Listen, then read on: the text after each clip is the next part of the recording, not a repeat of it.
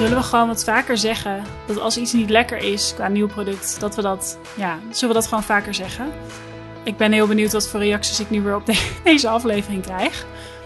Maar het valt me gewoon op dat als er een nieuw vegan product is, dat heel veel mensen meteen zeggen: Oh, dat is zo lekker en dit is zo goed en fantastisch. En ergens is het genuanceerd, want ik zeg altijd: ja, dat één iemand het niet lekker vindt, betekent niet dat een ander hem niet lekker vindt. Maar ik vind wel echt dat er best wel wat producten in, uh, in de winkels liggen die gewoon niet goed zijn.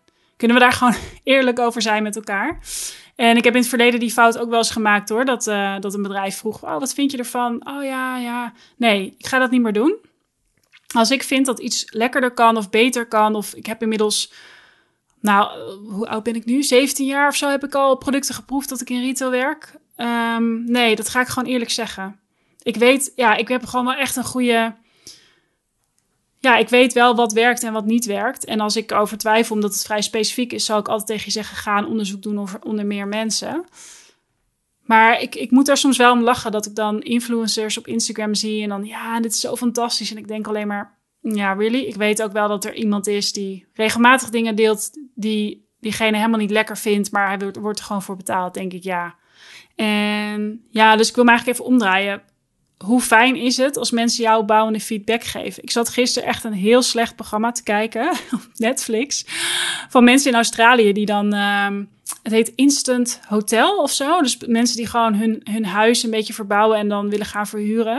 En dan zie je dus zo'n moment, moet je je voorstellen, je huis waar je al misschien je hele familie is opgegroeid en je, en je hebt het helemaal opgeknapt, je bent helemaal trots. En dan staat er zo iemand je te vertellen dat het wat er niet goed aan is. En, en zo'n vrouw wordt helemaal emotioneel. En dus er waren mensen die daar sliepen, dus zeg maar de gewone burger. En er waren twee experts die dan ook hun feedback gaven. Ik moet zeggen dat die wat opbouwender was dan de meeste andere mensen. Maar daar werden ze helemaal emotioneel van. En ik dacht alleen maar, ja, maar je hoort nu wel precies wat je, hoort, wat je moet horen om het nog veel beter te maken. Dus vervolgens zag je dus, nou ja, een paar weken later denk ik hadden ze dus die tips allemaal meegenomen. En toen ging je nog een keer kijken en toen dacht ik alleen maar, holy, holy moly, je bent van van een, een, een 6 naar een, een 9 gegaan of een 7 naar een 9 of whatever.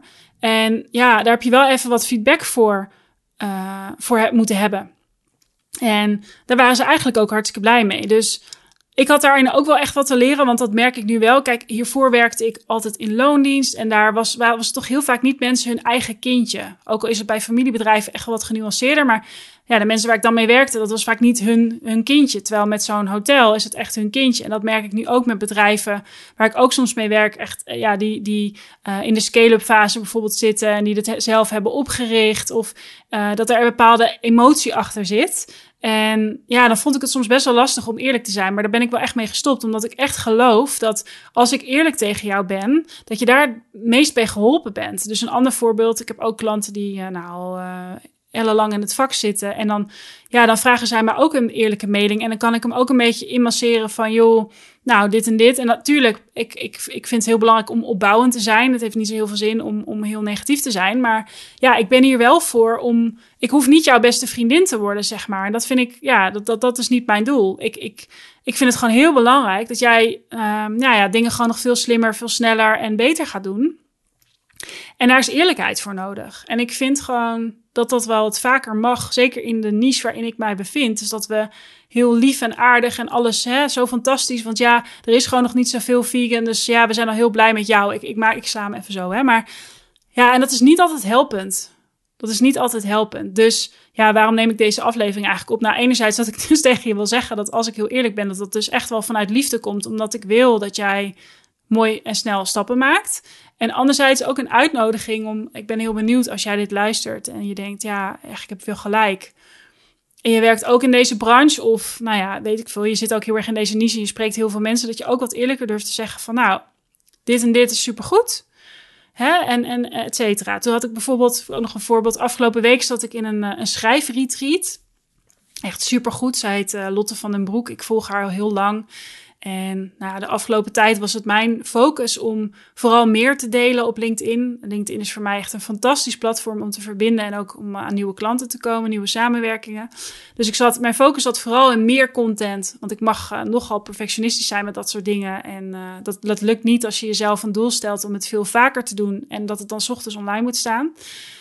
Dus ik ging met dat retreat mee, want ik dacht, ja, ik wil nu ook wel gewoon nog beter schrijven. Nog, nog teksten waarvan mensen echt denken, oké, ik heb je nu een paar posts van je gezien of een paar podcasts gehoord en nu lees ik dit. Ja, shit, ik hoor wat je zegt en ik moet hier nu iets mee.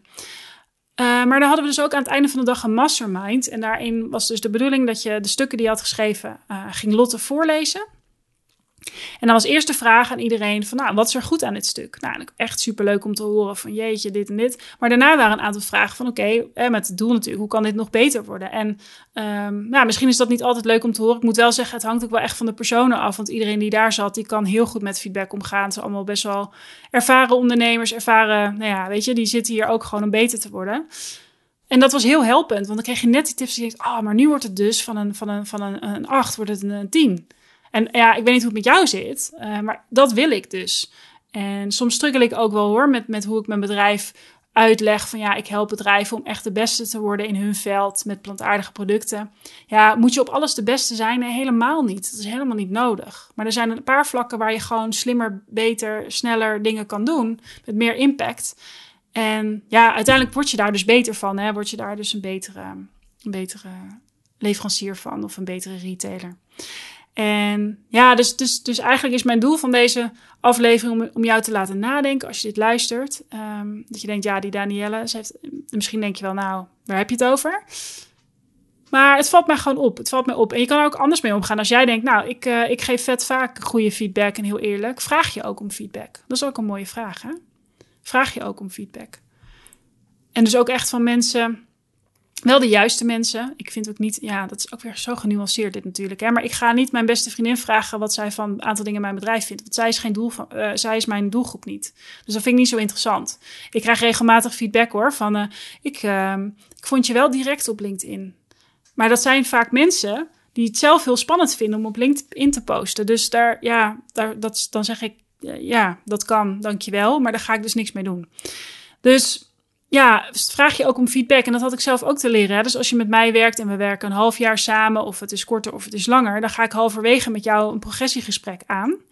Dat doe ik niet bij hele korte samenwerkingen, maar wel bij langere samenwerkingen. Van joh, laten we even erbij pakken hoe je in het begin wat je doelstellingen waren en waar staan we nu. En heel vaak eh, eh, staat iemand er helemaal niet bij stil wat er allemaal is gebeurd. En wat wil je de komende maanden nog bereiken? Wat is daarvoor nodig? En, wil je, en dan deel ik ook mijn visie, hoe ik vind dat er nog stappen gemaakt kunnen worden. En vraag ik dus ook, oké, wat vind je van de samenwerking met mij? Wat, uh, wat zou ik kunnen verbeteren of wat doe ik heel erg goed? En dat is niet altijd comfortabel, ben ik ook gewoon eerlijk in. Maar ja, ik ben hier ook om jou te helpen en niet om mijn ego te blijven strelen gebeurt ook trouwens regelmatig dat ik denk, nou, ik weet het niet hoor, of ze tevreden zijn en dan zijn ze heel tevreden. Dus ook de andere kant op regelmatig helpen. Maar ik begon dus met, laten we wat eerlijker zijn tegen elkaar. Dat was eigenlijk mijn punt. Ik ging natuurlijk meteen over de smaak en dat is dan één ding. Maar ja, eh, eh, heel veel mooie bedrijven hebben een fantastische droom. En die zeggen dan ook tegen mij: Ja, ik wil over een paar jaar wil ik uh, de grootste zijn. Wil ik dit marktaandeel, wil ik die verstoten hebben.